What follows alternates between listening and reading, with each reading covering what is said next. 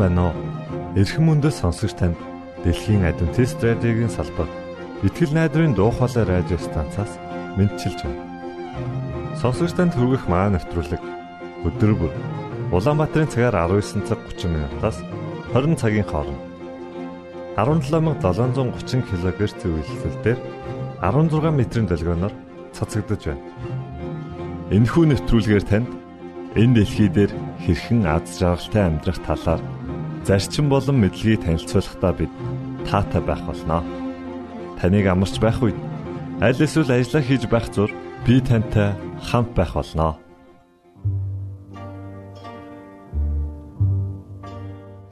Энэ өдрийн хөтөлбөрийг бид Монголын адвентист чуулганы хуульч Базар садын зохиосон та мэдхүү хэмэх сайхан аялгаугаар эхлүүлэх болно.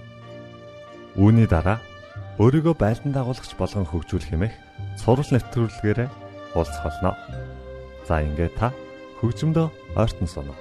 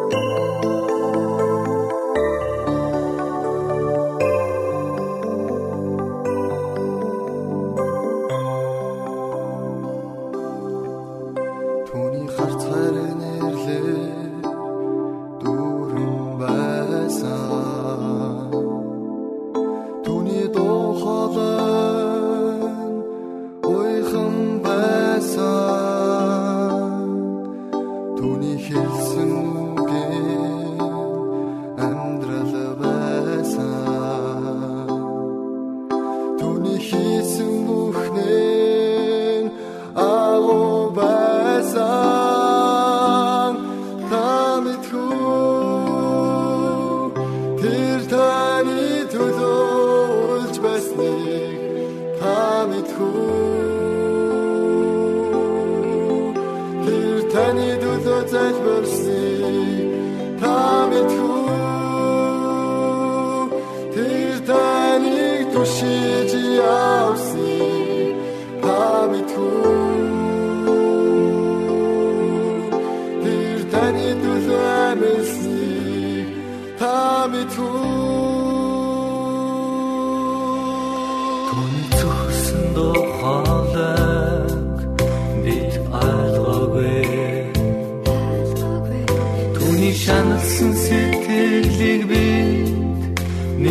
ирээгүй Төний усгсан цолсыг би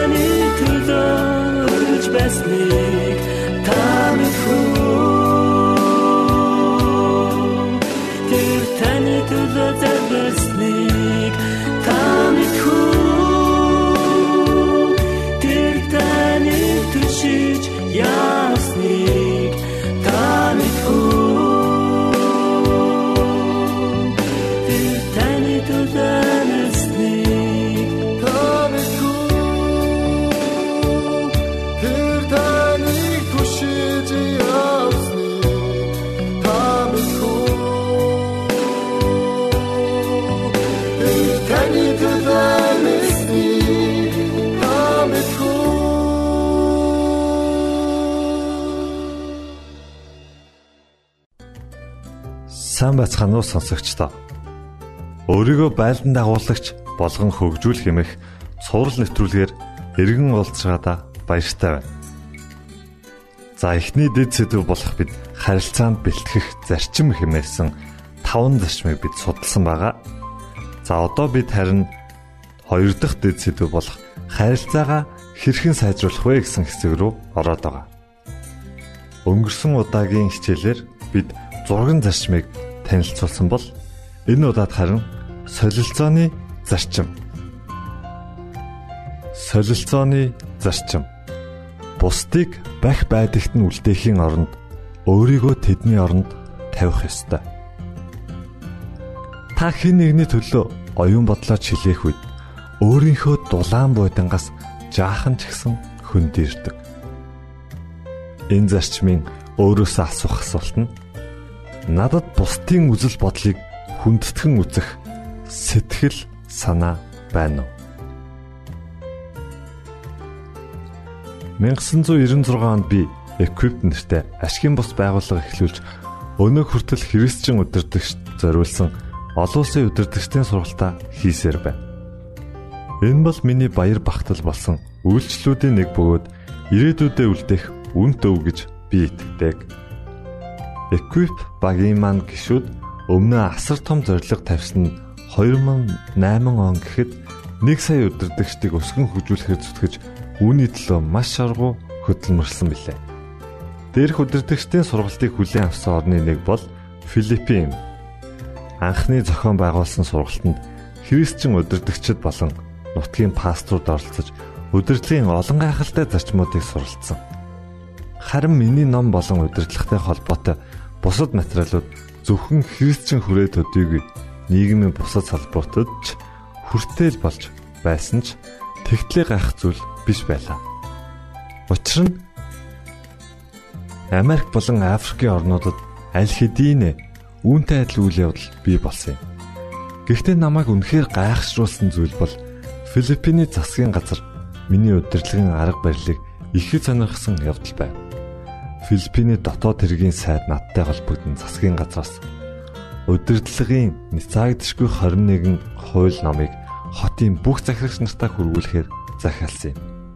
Харин үүний дараа хотын зөвлөлийн гишүүн бүрт уг номыг илгээж өгөхийг хүссэн. Энэ миний хувьд асрыг хүндлэл байсан бөгөөд олон хүн энэхүү зарчмын талаар суралцсан амьдралд нь өр нөлөө гарсан байхыг харахыг хүссэндээ би баяртайгаар зөвшөөрсөн юм ерөнхийлөгчинд зочилсон юм. 2003 оны 1-р сар миний би Филиппиний ерөнхийлөгч Глория Макапакал Арояатай уулзгаар үргэлжсэн нэр төрийн хэрэг байлаа. Тэрээр маш цогтой, найрсаг, их ухаалаг хүн байв. Бид удирдлагын тухай ярилцаж эхлэхэд тэрээр удирдлагын цаагцшгүй 21 хуулийг гаргуун сайн мэдээ зогсохгүй чөлөөтэй иш татаж байсан намайг үнэхээр алмааруулсан юм. Тэр эмэгтэй энэхүү номыг өөрийн ширээний ном болгожээ. Надаас удирдлагын талаар асууж бид уг номноос нэлээдгүй ярилцсан бөгөөд хэн хэний маань хувьд үнтэй туршлах солилцсон цаг байлаа. Уулзалтын цаг дуусах төгсөд би түүнээс өөрийнхөө талаар ямар сэтгэлдэлтэй байгааг нь асууж амжсан юм. Миний хувьд олон орноор аялж явахдаа хөгжиж буй орны удирдагчид ард түмнээсээ алсгал байдаг төдийгүй хүчтэй нь хүчгүйгээ дарамтлж байгааг анзаарсан. Энэ нь удирдлагын хамгийн муу хэлбэр бөгөөд дарангуйллыг дэвэргэж байдаг. Харамсалтай нь үүнийг хаа сайгүй удирдлагын альч төвшөнд хэрэгэлдэг. Ялангуяа ядуу бүрээ орны хувьд хүчирхийллийн томоохон хэрэгсэл болгон ашигласаар байгаа нь бүрч гонсоохор зүйл билээ.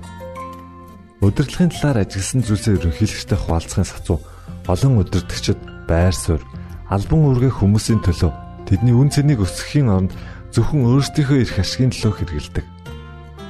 Тиймээс та ард түмнийхээ эрх ашиг үн цэнийг өсгсөн удирдахч болоосаа гэсэн хүслээч уламжлахад тэрээр тийм шүү. Миний нэн тэргүүний төлөвлөгөө бол ард түмэндээ туслах явдал. Би албан цэцлэгаандаа байхдаа зөвхөн хэрхэн сайн үйлчлэгч байх тухай тунгаан боддог. Би улс төрд бус үйлчлэх сэтгэлийг гол хараагаа болгодог гэсэн ёслол төгөлдөр хариултаас нь би түүнийг бусдын үн цэнийг өсгөн нэмэгдүүлэгч мөн сайн үйлчлэгч хүн байна гэдгийг олж харсан. Үзэл бодлын хүч чадал. Амжилт нь хүч чадал, эрх мэдэл, эд баялаг, алдар нэргээр олон зүйлийг авчирдаг. Гэвч амжилттай байхад сонголт маш их чухал. Тэгвэл сонголтыг хэрхэн өөрийн зан чанарын өв тэгш төлөвшлөлтөнд хэрэглэж болох вэ? Жишээ нь чинэлэг хүн өөрийнхөө эд баялагийг бусдын сайн сайхны төлөө эсвэл өөрийнхөө л амин хувийн төлөө хэрэглэж болно. Мөн алдар нэрд хүрсэн хүн үлгэр дуурайлтаа сайн амьдрах эсвэл хар амиа хоохолон муу явдлаар амьдарч болох юм. Үүнчлэн удирдахч хүн бостой нэг бол эргээр эсвэл сөргөөр нөлөөлөх шийдвэрийг гаргаж болно. Үүнчлэн хүмүүс чин сэтгэлийн хүслээр нэг бол өөрийнхөө амин хувийн төлөө эсвэл бусдын сайн сайхны төлөө зориулдаг. Сурган хүмүүжүүлэгч хиймч Жорж Вашингтон Карл гайхалтай нэгэн ажиглалт хийсэн хүн залуу зандан наснда омог бардам дэврэн хүсэл тэмүүлэлтэй байдаг. Гэхдээ насны намар ойртох тусам энэрэнгүй тууштай болж улмаар сул дорой болон догшин ширүүн хүмүүстэй ч хүртэл хүлээцтэй тайван хандах болдог. Үүнчлэн түүний амьдралч эдгэрийг тойрохгүй дайраад гарна хэмээжээ. Тийм ээ. Та бусдад хэрхэн хандах вэ гэдэг нь тэднийг хэрхэн харж буй таны үзэл бодлоо шалтгаалдаг. Гэвч ихэнх хүн 3 дахь хүний үзэл бодлоо бусдыг харж дүгнэдэг нь жинхэнэ асуудал болоод байна. Тиймээс солилцооны зарчмыг нээн таниулж байна. Бид өөрсдийгөө болон бусдыг адилхан үзлээр хардаггүй. Детройтын Барсууд багийн тамирчин үндэсний бейсболын танхимын гишүүн Ханк Гринберг зодог тайлсныхаа дараа Cleveland Indians багийн ерөнхий менежерээр ажилласан юм. Тэрээр тоглогчид руугаа улирлын гэрээ илгээснээс хойш хэдэн 7 хоногийн дараа нэгэн тамирчнаас гарын үсгүй гэрээ хүлээн авчээ. Ханк гэрээг даруй буцаагаад дэндүү яарснаасаа болоод чи гарын үсгээ зурхаа мартсан байна гэсэн загтал явуулжээ. Гэтэл маргааш нь Та харин цалингаа нэмүүлэх гэж яаснасаа болоод надад буруу гэрээ явуулсан байна гэсэн хариу загтал ирүүлжээ. Тийм ээ.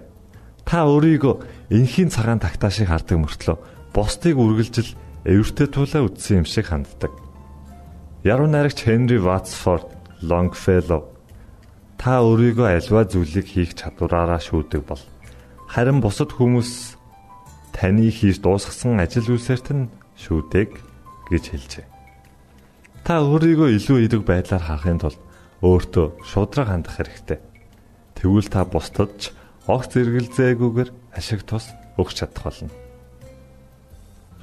Бусдын үзэл бодлоос болж бид харилцаагаа сүрүүлэхэд хүрдэг. Харилцаанд гардаг дийлэнх асуудал нь үзэл бодлын зөрчлөөс үүдэлтэй. Нэг залуу агаарын бөмбөлгөөр хөөрч аваад төөрчихжээ. Тэгээд хөөрөлтийн өндрөө жаахан басгаж байгаад доор яваа эмэгтэйгээс хөөй надад туслаач. Би цагийн өмнө найстайгаа уулзахаар тохирсон юм. Гэтэл хаана яваагаа мэддэггүй гэж хашгирлаа. Тэгтэл эмэгтэй таны агаарын бөмбөлөг газраас ойролцоогоор 30 м-ийн өндөрт хойд өрөөргийн 40-оос 41 хэм, баруун уртаргийн 59-оос 60 хэмийн хооронд байна да гэж хариуллаа. Залуу. Та ч инженер юм уу гэтэл. Тийм ээ, та яаж мэдвэ? Гэхдээ нь яах вэ та бүх зүйлийг техникийн талаас нь маш сайн зөвлөсөн ч таны мэдээлэл надад огтхон ч тус болсонгүй. Би хаашаа явхаа мэдэхгүй хэвээр л байна шүү дээ. Харин ч надад төвөг удаж байна гэж залуу хариулжээ. Гэтэл эмэгтэй доороос та менежер юм уу? Гэтэл тийм та яаж мэдээв гэж асуулаа. Яг уу та хаана явж байгаагаа болон хаашаа явж байгаагаа ч мэдэхгүй. Тэгсэн мөртлөө өөрөөсөө том агарын бөмбөлөг суугаад нисэж байдаг. Та хэдийгээр найстайгаа уулзахаар тохирсон ч үнэндээ ямар замаар яаж явж хүрэхээ асууж тодруулаагүй. Тэгээч надтай таарахаас өмнө энэ байж л байсан. Одоо ч байж л байна. Өөр тулгарсан асуудлаа шийдэхгүй мөртлөө миний бурууг засах гэж оролдож байдаг. Мөн ч таарчтай хэмээн шуутхан хэлжээ. Үүнчлэн таны хувьд бусдтай харилцаж байхдаа та нэг өнцгөр нөгөө хүнтэй нь өөр нэг өнцгөр харснаас болж хэр зэрэг зөрчилдөж байсан бэ? энэ талаар бодоод үзээч. Та гэрснийхээ дараагаар эрэгтэй эмэгтэй хүмүүсийн төрөлхийн ялгаатай чанараас болоод хэр зэрэг эхнэр нөхдөөгөө зөрчилдөж байсан бэ? Та хүүхдтэй бол тэдний талаар бишгүүл бэрхшээлийг амссан баг. Яагааргүй л тэд тантай адил хийж чадахгүй учраас тэр юм. Учир нь хүн бүр бүх зүйл амжилттай, нийцтэй, тааламжтай, сайхан нөхцөл байдал хүртэл альвааг өөрийнхөөрөө л хардаг. Үүнчлэн хэрв та дарагтайгаа зөрчиллөө гэвэл зөвхөн өөрийнхөөрөө харах хэрэггүй. Харин асуудлыг хоёр талаас нь харахыг хичээж даргын талаас болон мөн өөр өнцгөөс ч асуудлыг харж сурна гэсэн үг. Миний хувьд хэрвээ та бусдын үзэл бодлоос үр нөлөөтэй талыг нь харж сурвал харилцааны 80% нь ямар ч зөрчилгүйгээр очих боломжтой гэж би итгэдэг. Харилцаагаа амжилттай байлгахыг гэвэл бусдын үзэл бодлоос суралц. Зарагдаж байгаа сэтгүүлээс би нэгэн өгүүлбэрийг олж уншлаа.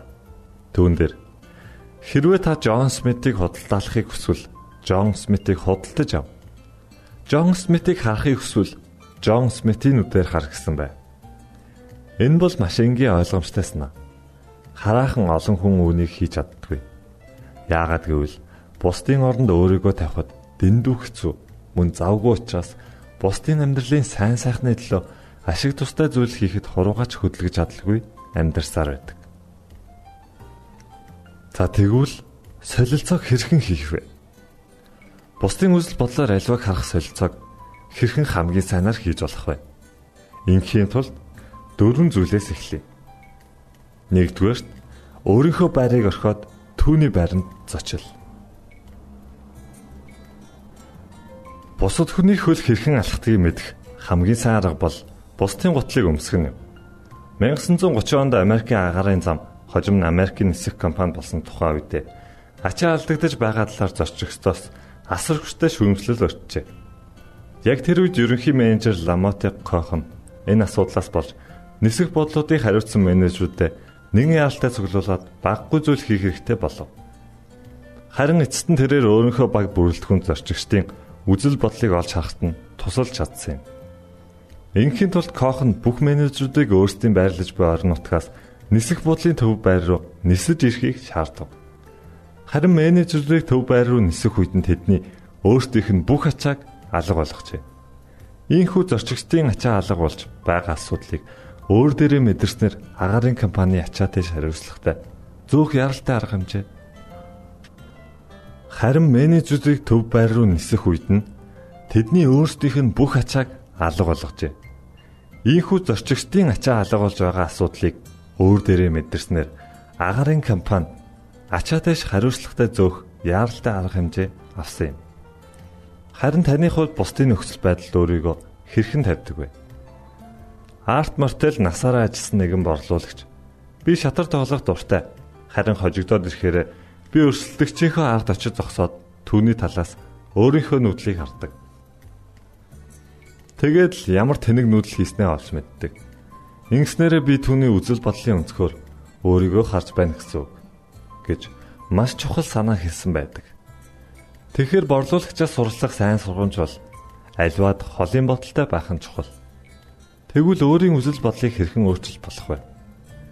Ерөнхийлөгч асан Харри Трумэн хамтрагчийнхаа үзэл бодлыг чин сэтгэлээсээ ойлгох үед тэр чухам юу хийх гэж зүтгээр байсныг ойлгоно.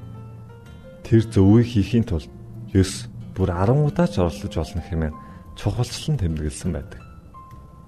Иймээс та бусдын сэтгэлийг сонсож бай. Тэдний соёл мөн чадвар мэдлэхээс суралц.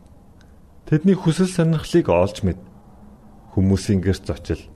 Тэдний хөршийг сургал ажлын газар, орон нутгаар нь аялан оч.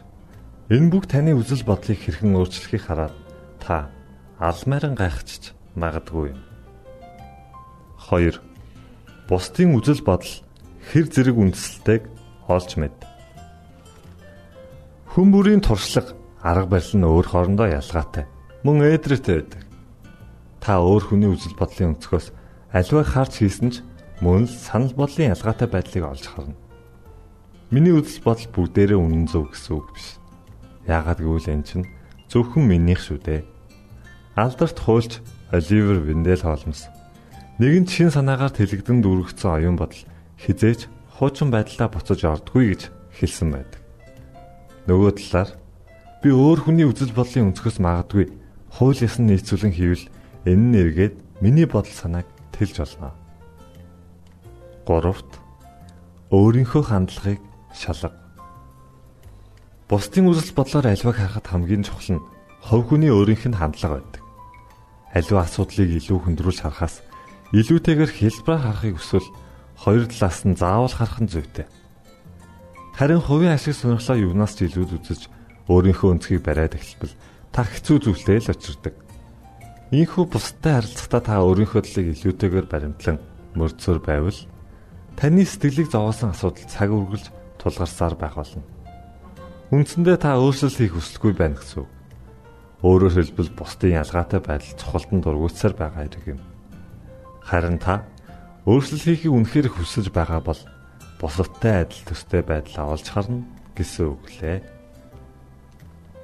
Дөрөвдүгээр бусдын нөхцөл байдал тохирсон ямар нэг зүйлийг хийж өг.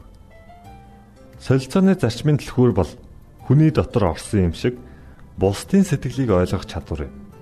Тиймээс та хүний сэтгэлийг ойлгох чадвараа ашиглан бусдын үзэл бодлыг өөрийнх нь өнцгөөс харж чадвал харилцаагаа илүү амархан байгуулах болно. Яагаад гэвэл тэд таны хайр халамжийг амсаж мэдэрч байна гэсэн үг. Тиймээс та тухайн хүний үзэл бодолд нийцсэн нөхцөл байдалд нь тохирсон ямар зүйл хийж өгвөл зохистой байх талаар маш энгийн асуулт асуухад л хангалттай. Гурван хүү байж гинэ. Тэд заяа тавилангаа хэр зэрэг сайн байгааг мэдхийн тулд гэрээ орхин алсын занд гарчээ. Нэгэн өдөр ах トゥ гурав уулзсан ард хоцорсон ээжтэй бэлэг илгээхээр боллоо. Том хүү. Би ээжтэй зөрүүж тав тухтай саруулхан том байшин барьлаа гэв. Дунд хүү. Би ээж зориулсан Мерседес машиныг жолооч жолоочтой навчрлаа гэтэл. Отхон хүү. Та хоёрын бэлгийг бут цохих бэлэг надад байна. Ээж маань Библиэд маш дуртай боловч тэр сайн харж чадахгүй гэдгийг бид нар бүгд мэднэ. Тиймээс би Библиэд дуржинд л цээжилсэн бор тот бэлгэнд илгээнэ. Түүнийг 12 жилийн турш 20 гаруй багшаар суугахдаа 100 сая зарцуулсан бөгөөд үүнээс өөр баялаг гэж байх уу? Ээж маань бүлэг дугаарыг нь хэлэхэд л той түүнийг хэлж чадна гэжээ. Ингээд одолгүй хөвгүүд тус бүр ээжээсээ загтал хүлээн авчээ. Ээж нь том хүүдээ. Хаарт хүү мээлтэн минь. Надад зориулсан байсан чинь дэндүү том болохоор би нэг л өрөөнд нь амьдарч байна. Харин би байшингаа цэвэрлэхдээ бүх өрөөг нь цэвэрлэх хэрэгтэй болох юм гэжээ. Харин ээж дунд хүүдээ. Хаарт хүү Марти минь. Ээж нь аялахад дэндүү хөгсөрчээ. Ихэнх цагангаа ихэнх цагаа гэртээ өнгөрүүлж байгаа болохоор гоё Мерседес машиныг чинь хэрэглэж чадахгүй нэ. Тэгээд жолооч маань их бүдүүлэг хүн юм гэсэн байв. Харин баг хүүдээ хандаад хамгаас хаарт хүү мэлв минь. Ээжигээ юун дуртайг зөвхөн чийл мэдэх юм да. Өнөөх шууч нь маш амттай байсан шүү хэмээжээ. Энэ жишээнээс харахад хөвгүүд ээжээсээ бэлгэнд юу авах хүсэлтэй байгааг нь асуухад л хангалттай байсан. Хэрвээ та бусдын нөхцөл байдалд өөрийгөө тавьж чадвал амьдралыг хаах хараат нь бэлтгэлэгдэж үзэл бодлын өнцөг чинь өөрчлөгдөх болно. Зохиолч уран элхэгч Дан Кларк хүүхэд байх үеийнхээ нэгэн дурсамжийг өгүүлжээ. Кларк нэгэн удаа аавтайгаа хамт цирк үзэх тасалбар авахаар уртаараа л зогсож байв. Тэгтэл тэдний урдхан тал зогсож байсан нэгэн гэр бүл анхаарлыг нь татлаа. Эхнэр нөхөр хоёр гараас огтлон зогсохын зэрэгцээ 12 наснаас доош 8 хүүхдэд агуулчихсан харахад нилээд эмхцэгтэй харагдана. Тэд маш энгийн даруу боловч цэвэрхэн хоцлсон байсан бөгөөд нөхрийг нь ажиглуул тийм ч мөнгөтэй харагдсангүй. Тэрээр цэрхийн гайхамшигын талаар мөн цоо шин адал явдлуудаар дүүрэн гэдэл хүүхдүүдтэй ярьж байсан тул тэдний хувьд сонирхолтой зүйл үзхийг тэсэн ядан хүлээж байгаа бололтой нь аргагүй харагдаж байлаа. Энэ хооронд тэдний тасалбар авах дугаарч боллоо. Мань хүн тасалбар түгээгүүрэн цонхон дээр ирээд итгэлтэй нь харахгүй хоёр том хүн 8 хүүхдийн тасалбар авъя гэтэл тасалбар түгээч үнийн дүнхэл эхнэр нь гарыг натгаж толгоогоо гудайлгав Харин нөхөр баг зэрэг тонгоо хэдийг төлнө гэсэн бэ хэмээн лавлахад тасалбар түгэж үнийн дүн давтан хэллээ. Нөхөрт гарц цагийн хангалттай мөнгө байхгүй болох нь тодорхой болов. Тэрээр яахаа мэдгүй дэмэл санаасран твдэв. Энэ бүгдийг харж байсан Кларк хүү тэр даруй аавдаа хэлтэл аав нь халааснасаа 20 доллар авч газар тунаглаа. Тэгээд тонгоон аваад өнөөх хүний мөрөн дээр нь зөөлөн алгаснаа. Уушлаараа ирхмээ. Энэ таны халлааснаас унжглаа хэмээн өглөө. Мань нэр юу болоод байгааг даруй ухаан Клакийн аавын гарыг барин згсэж. Баярлаа. Танд үнэхээр их баярлаа. Таны хийсэн зүйл надад болон миний гэр бүлд ямар их үн цэнтэй билээ хэмээн нулимсаа барьж ядан хэлв. Ингээд Кларк аавтайгаа хамт гэрийн зүг явлаа. Хэдийгээр тэд өнөөр циркийн гайхамшигыг үзэж чадаагүй боловч амьдралын гайхамшигыг харсан мөлий. Тэд бусдын оронд өөрсдийгөө таснаар энэ дэлхийн эргэн тойронд илүү чухал зүйл байдаг гэдгийг ухаарсан юм.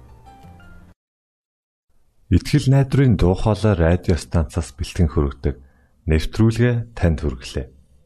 Хэрв та энэ өдрийн нэвтрүүлгийг сонсож амжаагүй аль эсвэл дахин сонсохыг хүсвэл бидэнтэй дараах хаягаар холбогдорой.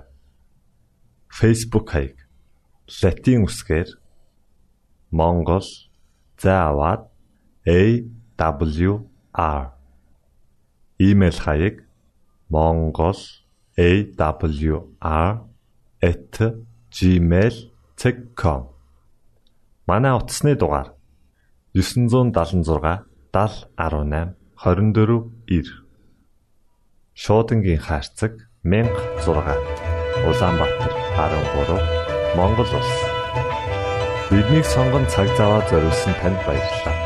Бурхан таныг ивээх болтугай